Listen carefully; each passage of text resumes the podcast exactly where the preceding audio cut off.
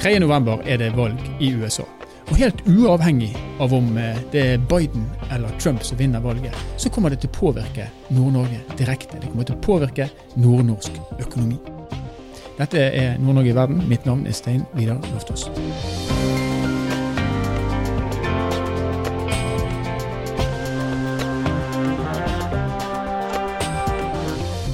Hilde Restad hun er førsteamanuensis i internasjonale studier ved Bjørknes høgskole. Hun har en doktorgrad i amerikansk utenrikspolitikk, hun har eh, bl.a. skrevet bøker om temaet. I det siste så har du helt sikkert også hørt hun uttale seg, bl.a. på Dagsrevyen. Og nå er hun med oss her i Nord-Norge i verden. Og velkommen til oss, Hilde. Tusen takk. Du, Jeg har lyst til å starte med å være litt, kanskje sånn litt over grensen. fordi at det skrives, som jeg sa, det skrives mye og det sies mye om den pågående valgkampen i USA. Og karakteristikkene de florerer. Trump han er ifølge mange klin gæren, og Biden han er en olding. Hvis jeg starter med å spørre deg, hvor gal er egentlig Trump, og hvor senil er egentlig Biden? Eh, det var jo eh, Det var jo noen interessante spørsmål. Eh, Trump Man skal jo ikke fjerndiagnostisere, men det er vel få som mener at Trump er en normal president det er jo bare, det, det er bare å følge med på Twitter-feeden hans. Eh, og Biden, det er ikke noe tegn på at han er senil, men begge to er jo ganske gamle, kan vi vel slå fast. Mm. Eh, hvor bra er det, da? Altså for, for, et, for, en så stor makt som USA, hvor bra er det at man, man velger seg menn som er ja, man kan kanskje si på vei mot slutten av livet, det er vel ikke frekt å si det? Altså, det er jo en veldig merkelig situasjon, egentlig. Nå kommer vi jo fra en periode i amerikansk historie der du har hatt veldig unge presidenter. Du hadde Bill Clinton, du hadde George W. Bush, du hadde Barack Obama. Og så plutselig så har vi de her to eh, eldre herremennene. Mm. Um, og jeg tror Joe Biden er ganske klar over det, for han snakker hele tida om at han skal være han skal liksom være brua til den neste generasjon. Og han valgte jo en visepresidentkandidat som er betydelig yngre enn seg sjøl, men fortsatt godt voksen eh, Kamala Harris. Men det er jo selvfølgelig sånn at jeg tror at det er veldig mange i USA som syns det er ganske kjedelig at de har valget mellom en 74-åring og en 77-åring. Mm. Og så er det jo og en ting som stadig vekk nevnes, det er at spliden i det amerikanske samfunnet er stor. Og den, Man gir ikke Trump skylden for det, for spliden den starta lenge før. Og Så ser man i dag så er det rasediskusjoner, det er likestillingsdiskusjoner, det er for eller mot abort, det er religion. Hva er årsaken til at man i 2020 ser en sånn enorm splittelse av, eh, av det amerikanske samfunnet? Det er nok eh, mange grunner til det, og du har helt rett i at Trump ikke er en årsak, han er et symptom. Eh, men han er et symptom som har forverra situasjonen. Men hvis vi skal se på årsaker, så tenker jeg at det er i hvert fall to veldig viktige ting. Det ene er at partiene har organisert seg nå i moderne tid etter rasemessige og etniske skillelinjer som har vært veldig uheldige, hvor Det demokratiske partiet har blitt partiet for på en måte det mangfoldige USA, og det republikanske partiet har blitt etter hvert partiet for det hvite USA. Eh, og så er det også da sånn at de siste snart 50 årene har vært en økende grad av økonomisk ulikhet i en sånn Det har vært en sånn drastisk utvikling som man egentlig ikke har sett siden slutten på det 18. århundret. Så det er ganske mange sånne, litt sånn større strukturelle endringer i det amerikanske samfunnet som det politiske systemet ikke har vist seg egentlig Det har ikke evna eh, å fikse. Så jeg tror i 2016 så det er mange ting man kan si om det valget. Men det var veldig mange som følte at det amerikanske, den politiske eliten, hvis man kan kalle det det, ikke klarte å takle de utfordringene som USA står overfor. At man var ganske oppgitt over politikerne sine. Mm. Og man har på en måte to lag. Eh, altså, man, kan, man, kan, kalle det for det. Men hva, hva er det som er eh, altså, Hvis vi sier at det ikke er politisk ideologi, da, hva, hva er det som kjennetegner de to lagene, demokratene og republikanerne? Nå har de jo blitt eh, etter hvert ganske mye mer politisk og ideologisk konsekvent enn det de partiene var før. Eh, så sånn sett har de blitt litt mer lik europeiske partier. Mm.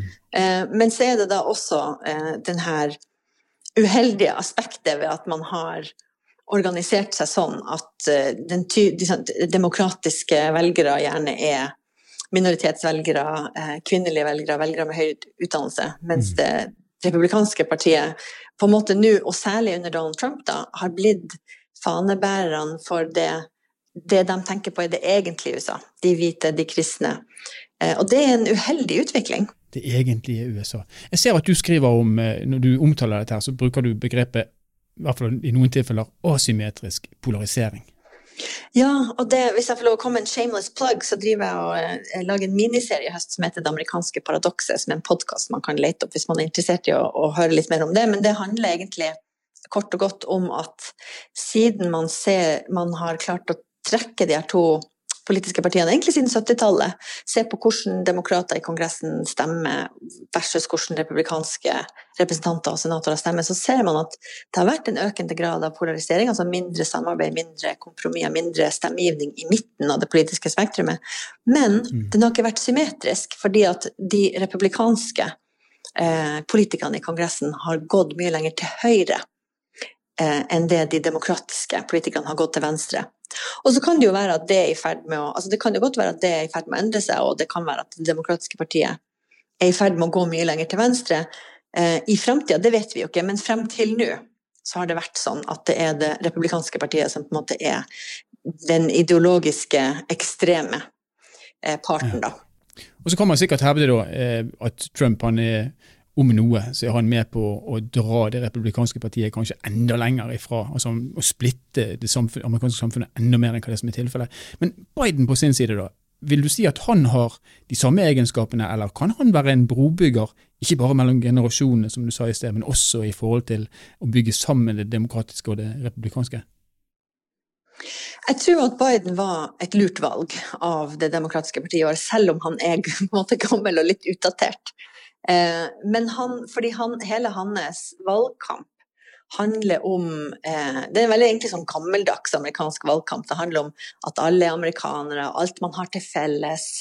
Eh, at vi skal stå sammen, at vi skal ta vare på alle sammen. Ingen skal falle utenfor. det er ingen som er de egentlige amerikanerne, og noen som er uekte amerikanere. ikke mm. sant?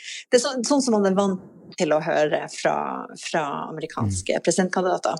Så sånn sett så tror jeg det er på en måte det kanskje som trengs akkurat nå. En litt, litt tradisjonell tilnærming hvor alle skal, alle skal, med, da. Får vi håpe. Og så er det noen ting som jeg, jeg, er helt sikker på at veldig mange lurer på, og det er forholdet mellom eh, det, det politiske USA og mediene i USA. Eh, fordi at mediene kan man også hevde er polariserte. Og Trump han er jo bl.a. superkritisk til mediene og snakker om fake news. Er det en grunn til å tenke at medienes rolle i dette her, altså i splittelsen, har vært mm, sterkere enn det man kanskje liker å, liker å tenke på?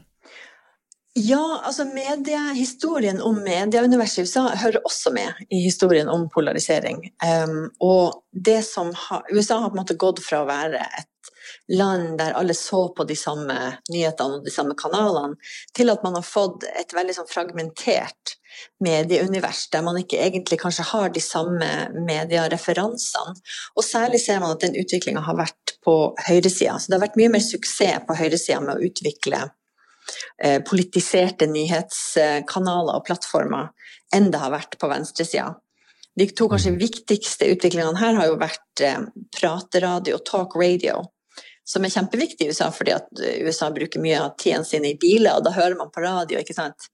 Eh, og da har jo særlig Rush Limbaugh, som man kanskje har hørt om her i Norge, vært veldig viktig. Veldig innflytelsesrik på ytre høyre, samtidig som også Fox News da på 90-tallet eh, tok opp samme rolle i, eh, kabel, i kabel-TV-universet, da. Eh, og det er klart at når, Hver gang jeg er i USA, så slår jeg på Fox News for, jeg, for å sjekke liksom, hva er det egentlig de snakker om. Og det tar ikke lang tid før jeg er nødt til å slå av, for at jeg blir så opprørt. Fordi det er så altså det er så fiendtlig retorikk, og det er så mye feil informasjon, og det er så mye det er så mye negativitet. Det er, liksom, det, det er vanskelig å ta det alvorlig, men samtidig så ser man at det har hatt en enorm effekt. Men hva med venstresiden, da, eller den demokratiske siden? CNN er jo en, i hvert fall beskyldt for å være en supporter av demokratene. Gjør de det samme, bare med motsatt fortegn? Nei, definitivt ikke.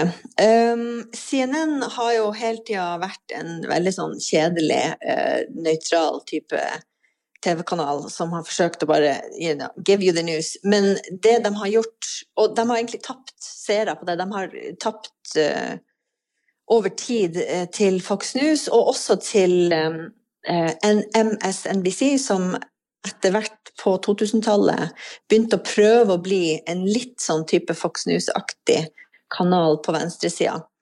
Eh, de har ikke hatt like mye suksess som Fox News, men de har blitt ganske populære blant en del på venstresida. CNN har liksom havna i midten og prøvd å være den voksne den voksne aktøren. Og da har de bare egentlig tapt seere på. Men det de har gjort, det jeg har merka at de har gjort siden, eh, siden, Trump, er at de har vært veldig klare og tydelige på hva som er fakta og hva som ikke er fakta. Når Trump mm. sier noe som er løgn eller uriktig.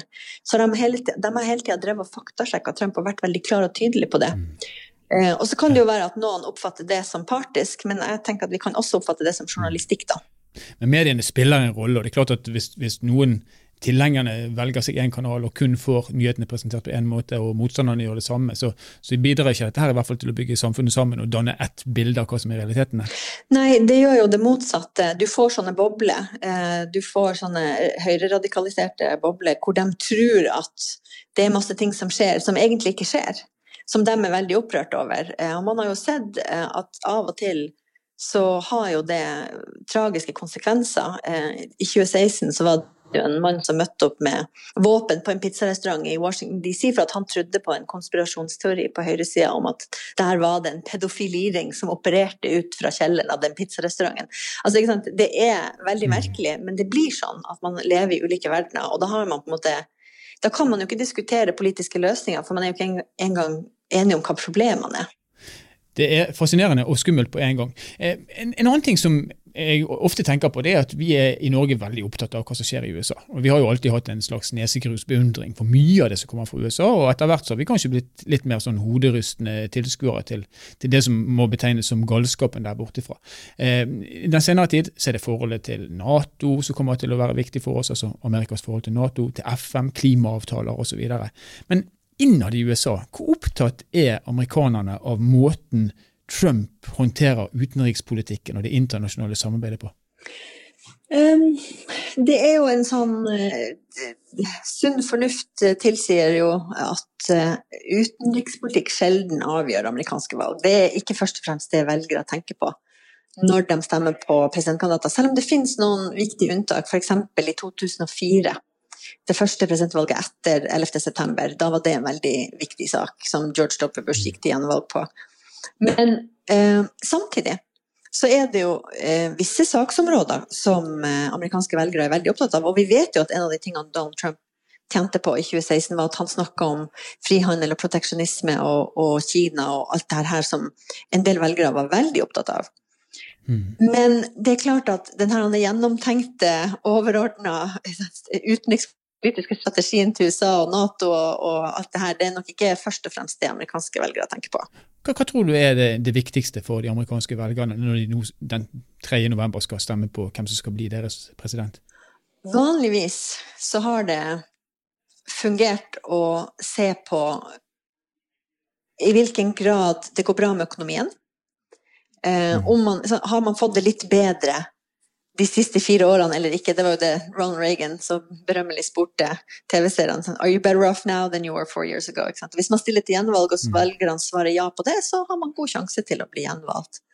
Um, så man skal ikke, Økonomi er viktig, men det vi ser med den polariseringa vi har snakka om, er at i, hvordan man evaluerer økonomien, nå filtreres gjennom en sånn, eh, et polariseringsfilter. Eh, så hvis man er tilhenger av Donald Trump fra før, så er man mer tilbøyelig til å si at det går bra med den amerikanske økonomien enn hvis man er demokrat. Så alt blir litt mer eh, på en måte komplisert, på en måte enklere når ting er så polarisert, for man kan, man kan forutsi ganske godt hva velgere mener om alle de politiske sakene. Mm. Hvordan, hvordan vil gjennomsnittsamerikanerne merke forskjellen på, på Trump og Biden?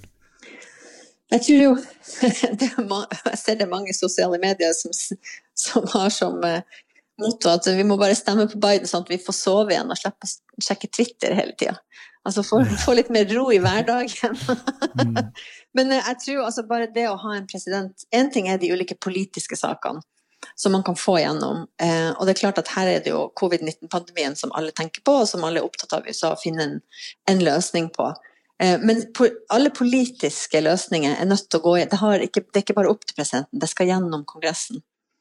Og således er det veldig viktig hvis Joe Biden vinner, at han også vinner Senatet, sånn at det ikke bare blir eh, total bom stille, men at man faktisk får gjennom lover som kan takle f.eks.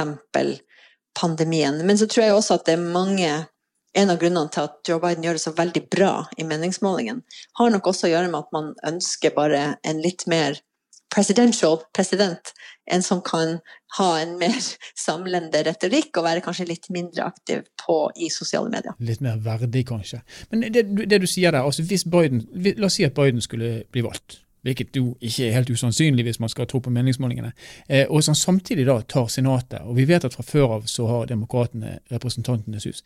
Hvordan vil, vil, det kunne virke på det amerikanske eh, demokratiet, altså hvis, hvis, demokratene tar alt og på en måte kan trumfe gjennom det, det de måtte ønske, mulig unntak av Høyesterett, men eh, vil ikke vi kunne oppleve at spliden blir enda verre på den måten?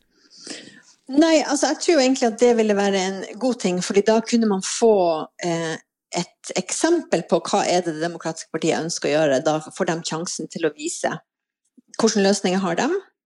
Eh, da får de sjansen til å vise, til å gjennomføre sin agenda, og så kan folk evaluere den. Eh, og de har jo bare to år på seg, fordi etter to år er det jo mellomvalg til Kongressen. ikke sant?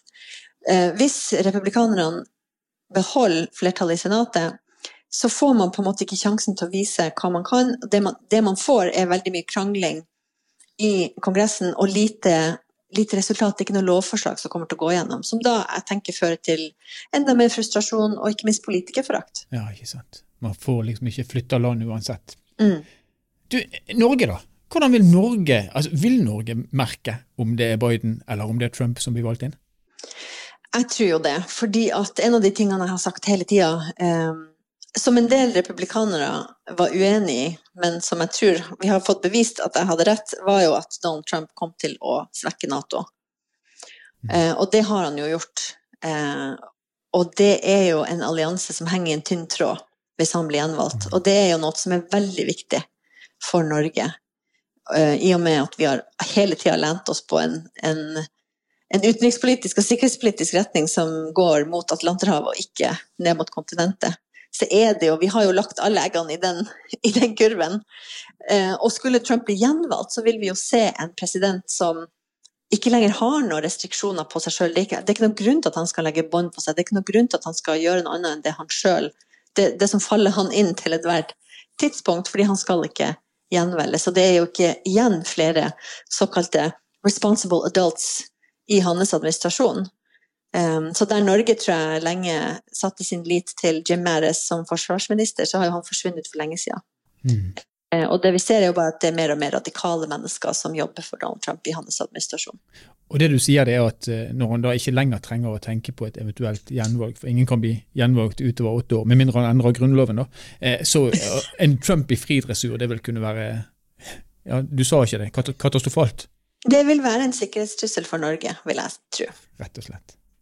Og eh, Forholdet til Nato er viktig for Norge, og det er selvfølgelig også spesielt viktig for Nord-Norge. fordi at vi ligger så nært på i hvert fall det som historisk sett har vært fienden på østsiden, nemlig Russland. Men er det andre ting å tenke på for Nord-Norge, du med din nordnorske dialekt som, eh, som, du har tenkt på, som er, vil være forskjell under, eh, under Biden i forhold til Trump? Nå skal ikke jeg sitte her og skape splid mellom nord og sør og si at vi har noen ulike interesser i nord eller i sør. Men jeg tenker jo at um, det, hele, hele Norges utenrikspolitiske og sikkerhetspolitiske tradisjon er jo avhengig av det vi tror USA står for, og den rollen vi tror USA skal spille. Så hvis det viser seg å være feil, så det Da må, liksom, da må jo kanskje vi da inn og revurdere eh, hva vi skal gjøre. Eh, og det høres liksom så veldig radikalt ut, men samtidig så må man ta inn over seg den realiteten. Og det, hvis Donald Trump blir gjenvalgt, så er vi en, inne i en slags annen type verden. Mm. Om man bor i Nord-Norge eller i Sør-Norge. Jeg har lyst til å avslutte med å spørre deg, for du, du ser eh, USA på nært hold, du følger valgkampen på nært hold. Og meningsmålingene som da etter sigende er blitt mye mer, eh, mye, si, mye bedre enn de var i 2016, de sier nå at det er nesten umulig for Trump å ta igjen Biden. Hva kommer til å skje 3.11.? Um, altså, først så må man jo kunne si at Joe Biden har nå leda ganske stort i de nasjonale meningsmålingene i ganske lang tid, så han har en relativt historisk posisjon. Eh, samtidig så er, vet vi jo at det amerikanske presidentvalget er ikke et nasjonalt valg, det er et føderalt valg, så det handler om hvordan det går i hver delstat. Um, og det kan jo selvfølgelig skje, det som skjedde i 2016, at Donald Trump vinner flere valg, men, mens Joe Biden vinner flere stemmer, og kanskje til og med enda flere, altså en større margin i antall nasjonale stemmer enn det Hillary Clinton vant. Hillary Clinton vant jo nesten tre millioner flere stemmer enn Donald Trump i 2016, men han vant likevel i valgmannskollegiet. Det er klart, det kan skje igjen, men det, det, er mindre sannsynlig i år fordi at Joe Bidens um, ledelse i meningsmålingene er betydelig større enn det Hillary Clinton sin var. Men aldri si aldri. Nei, Men, men du, du, tipper Biden? Biden burde vinne, men det er, det, det er liksom, vi er på fjerde året med unormale tilstander. Ja. Eh, og det, Donald Trump er ikke en normal president som oppfører seg normalt. Han etterlever ikke demokratiske normer, og vi ser jo at han allerede nå forsøker å så tvil og splid om resultatet. Så vi må også forvente oss at den sittende presidenten kommer til å forsøke å trikse og fikse med valget. Og det er jo vel, også en veldig rar ting å sitte og si, men der, dit har vi liksom kommet nå. Og så, ja, Én ting er om man kommer til å akseptere et eventuelt tap. En annen ting er jo at han har eh, ja, I hvert fall er det mange som sier eh, Proud Boys, stand by, stand down, eller hvordan han uttrykker seg, at det kan bli litt kaos under selve valget. Er det grunn til å frykte det at vi kommer til å se en, en valgdag som er preget mer av kaos enn av stemmetelling? Ja, Donald Trump har lovt valgkaos og kommer sikkert til å innfri. Han kommer til å innfri på det. Eh, den lovnaden, i hvert fall, og dessverre. Det ene løftet holder han. det ene løftet som han helst ikke skulle holdt, det holder han. Tusen takk for at du kunne være med oss, eh, Hilde Restad, førsteamanuensis i internasjonale studier ved Børknes høgskole. Tusen takk.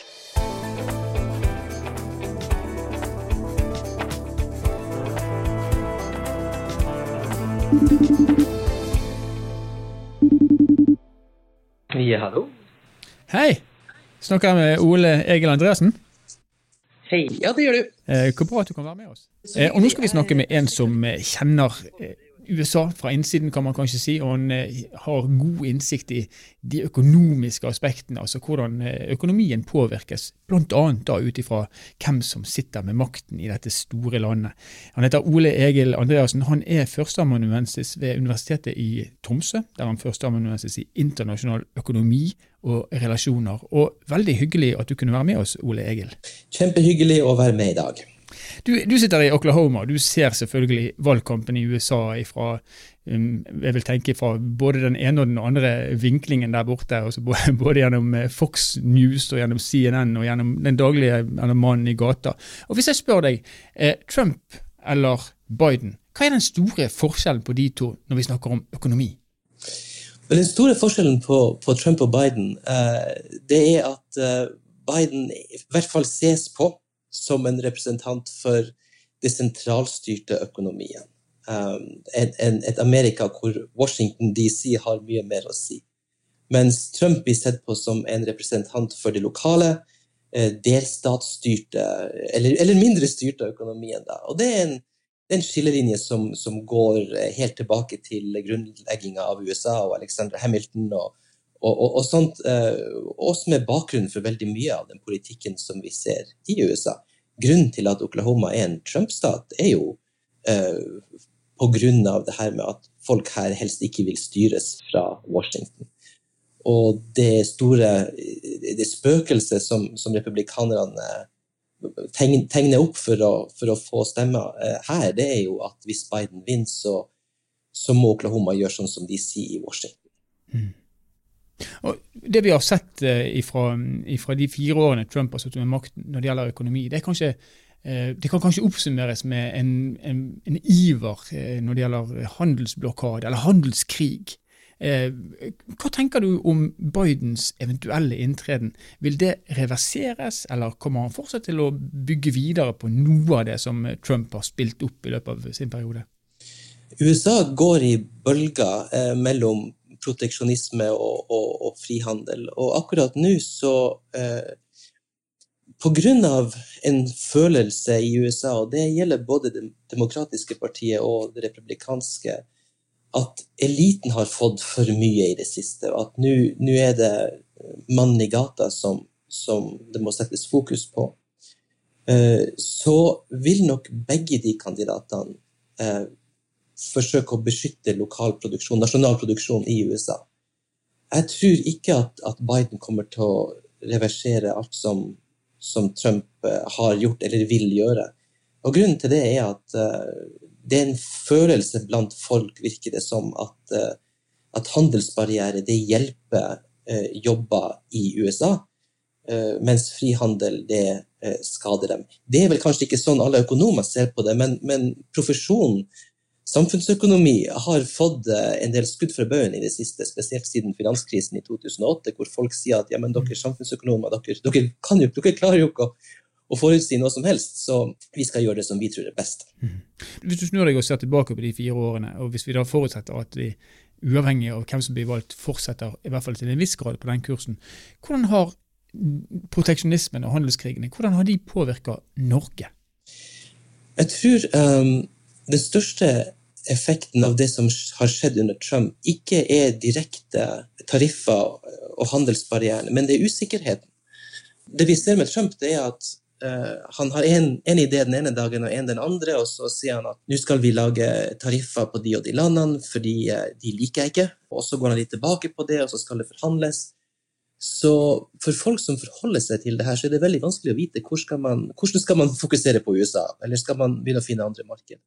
Eh, mm. Det, det, er også noe som vi ser inne i USA. Eh, det, det er vanskelig å forholde seg til eh, de, de, reglene som kommer ut, fordi at de er så usikre. Ja. Så det er usikkerheten mer enn de konkrete tiltakene? Ja, hvis vi ser på f.eks. for, for Nord-Norge, de, de, viktige industriene. Ta fiskeeksport f.eks., så vet vi jo at det har vært investeringer i USA for, for f.eks. produksjon av laks. Kommer Trump til å, fordi at han finner velgere som han vil beskytte, øke begrensningen på import av laks, f.eks. Um, det er jo ingen som vet det, fordi det finnes veldig lite enhetlig eller programmessig forhold til hvordan man skal løse det her fra Trumps side. Men hvis du, hvis du ser på usikkerheten i et annet perspektiv, eh, du, du nevner norsk fisk. og For Nord-Norge da, eh, så er jo mye av økonomien vår er jo hengt opp mot nettopp eksport av, av fisk og sjømat. Og usikkerheten den fører jo også med seg noen andre konsekvenser. F.eks. så ser vi at den norske kronen mer eller mindre kontinuerlig har svekka seg eh, de siste årene. Og Det, det skyldes det, ifølge mange da, usikkerheten. Valutaspekulanter flytter pengene sine til de store økonomiene. Så Sånn sett så kan man si at usikkerheten den er jo også på sett og vis gunstig for Nord-Norge. Eller? Vel, Grunnen til at eh, det plasseres penger i USA nå, det, det, er ikke bare spekulasjon. Det har også med det, det å gjøre at eh, USA fremdeles, selv under Trump og, og, den usikkerheten som han bringer med seg, så er USA sannsynligvis den tryggeste plassen å plassere penger i hele verden. Det har det, har det vært i moderne tid, og det kommer det nok til å fortsette å være. Så når det er, når det er usikkerhet i verden, så, så har penger en tendens til å bli flytta til USA, uh, og da går den amerikanske valutaen opp i forhold til andre valutaer. Norge er jo også eh, ganske olje- og gassavhengig fremdeles. Eh, og, og, har en tendens til å bli påvirka av hvordan den industrien gjør det, også i forhold til da, penger som flyttes inn i Norge. Og, og, når det er mindre attraktivt å investere i Norge, så går prisen på norske aktiva, dvs. Si norske kroner, eh, ned. Men usikkerheten som skapes i handel under Trump i forhold til det at han ikke liker multilaterale handelsavtaler, Trumps strategi fra begynnelsen har vært å inngå bilaterale avtaler, fordi da kan han stille forskjellige land opp mot hverandre. Og Det fører igjen til at man typisk får forskjellige tekniske standarder, uh, forskjellige prosedyrer, uh, forskjellige, mange forskjellige regelverk man må forholde seg til. Så på den måten så blir det også rett og slett mer komplisert å være eksportør i Nord-Norge, også fordi at vår eksport er så diversifisert mm. blant, mm. blant ganske mange land. Så du kan si at en, en svak, altså Usikkerheten medfører en svak krone. Det gjør høyere eksportinntekter til Norge, men det blir samtidig vanskeligere for nordnorske eksportører å kunne forholde seg til et marked som er ja, langt mer kan du si, utydelig enn det det tradisjonelt har vært. Ja, og det ser vi jo f.eks. For i forhold til, eh, til metalltariffer på Europa eh, og, og, og, kampen mellom Europa og USA. Der Norge selger jo inn til Europa, og lenge var det usikkert eh, hvorvidt vi kom til å, å lide av, av sammenlignende tariffer mellom Europa og Norge, sånn som de har mellom Europa og USA, for å beskytte det europeiske markedet. Nå skjedde ikke det. Vi har, vi har tilgang til det europeiske markedet. Men den typen usikkerhet ville vi bare se mer av hvis Trump fortsetter. Det tror jeg ikke vi får under Biden. Mm. Jeg tror uh, Bidens økonomiske team kommer til å være mer uh, Kanskje vi kan kalle det profesjonelt. I hvert fall mer uh, planmessig, fordi jeg tror Bidens lederstil er litt mer tradisjonell. Trump, å, jobbe for Trump vet vi jo etter veldig mye undersøkelser fra media er, vanskelig, for man vet aldri helt hva han vil. Eh, så de som jobber for han også på det høyeste nivået, prøver å rette seg inn etter det de tror Trump vil til enhver tid. Sånn blir det nok ikke med Biden. Det blir nok mer forutberegnelighet der. Og Hvis det skulle bli sånn at uh, Trump skulle vinne valget, nå ligger han bak på meningsmålingen, men det gjorde han i 2016 også. Hvis Trump skulle vinne valget Han har vært uforutsigbar, han har gjort uh, mange rare ting, kan man kanskje si, de første fire årene. I den perioden så har han hatt et, et, valg, et gjenvalg å tenke på, som kanskje har ført til at han har lagt litt bånd på seg. Når han eventuelt går inn i fire nye år, hva kan vi forvente da av en Trump som ikke lenger har noe som helst å, å tape? Vel, forklaringsmodellen på, på, Trump i de første fire årene, eh, i hvert fall den forklaringsmodellen som ser ut til å ha fungert best, er Trump kommer til å gjøre det som gjør det mest sannsynlig at han blir gjenvalgt. Og som du, som du poengterer, så er jo ikke det nå Eh, som er et problem i neste periode.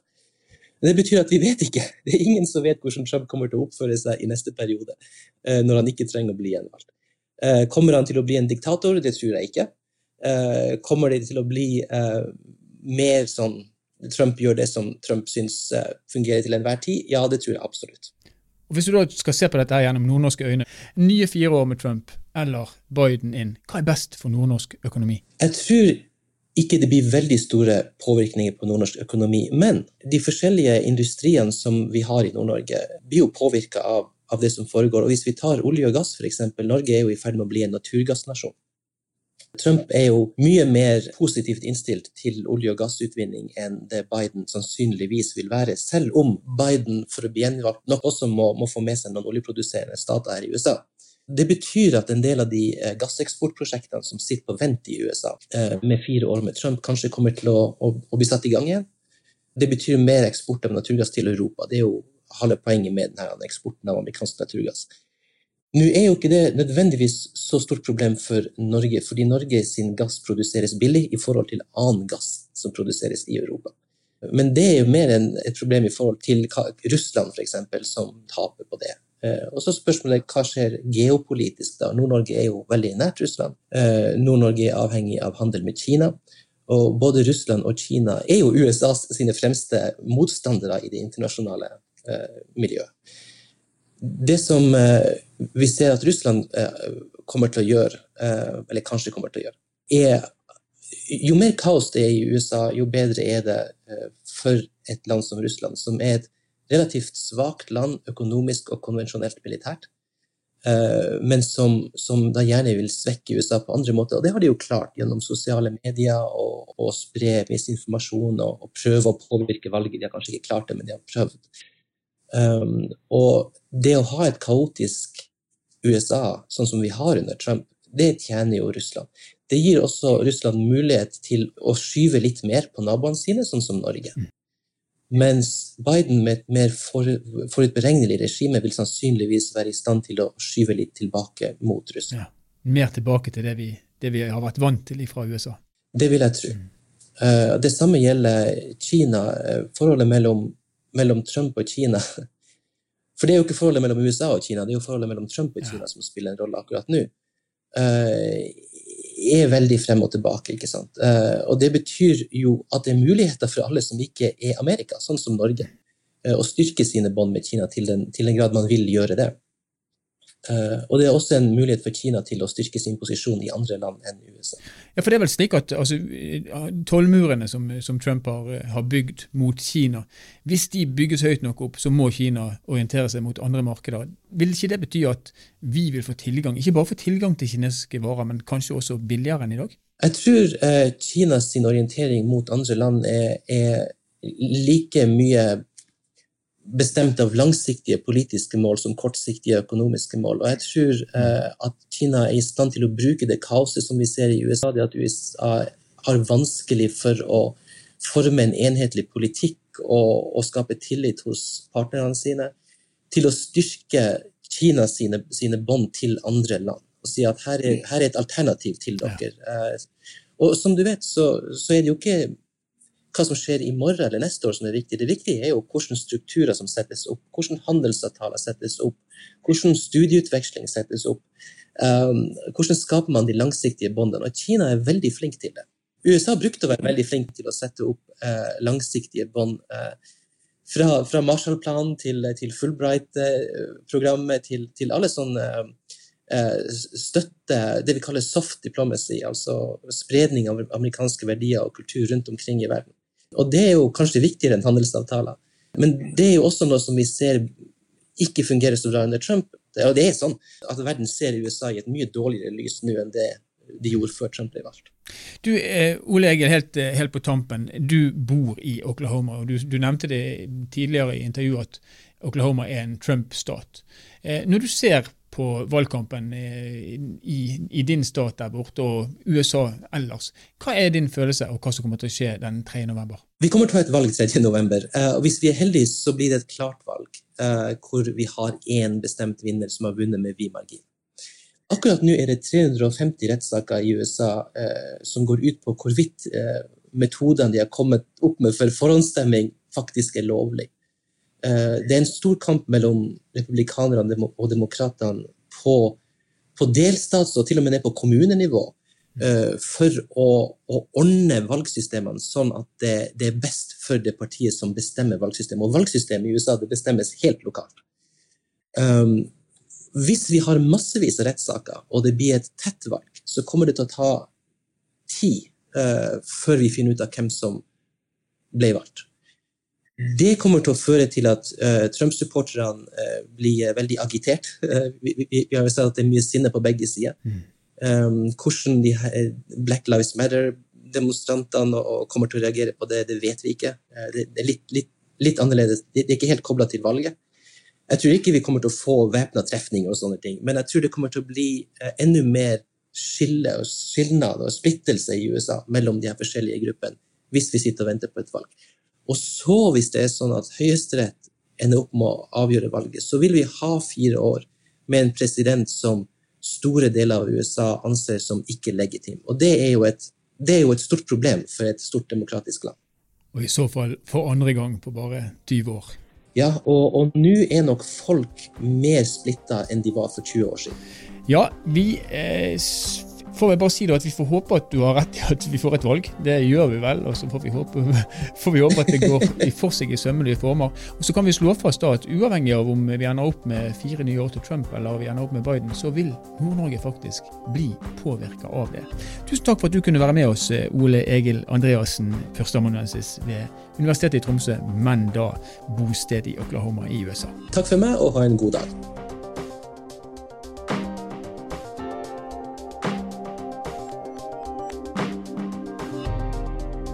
Blir det Trump, eller blir det Biden? Det er det store spørsmålet, tror de fleste av oss. Men noen de sier kanskje heller blir det valg?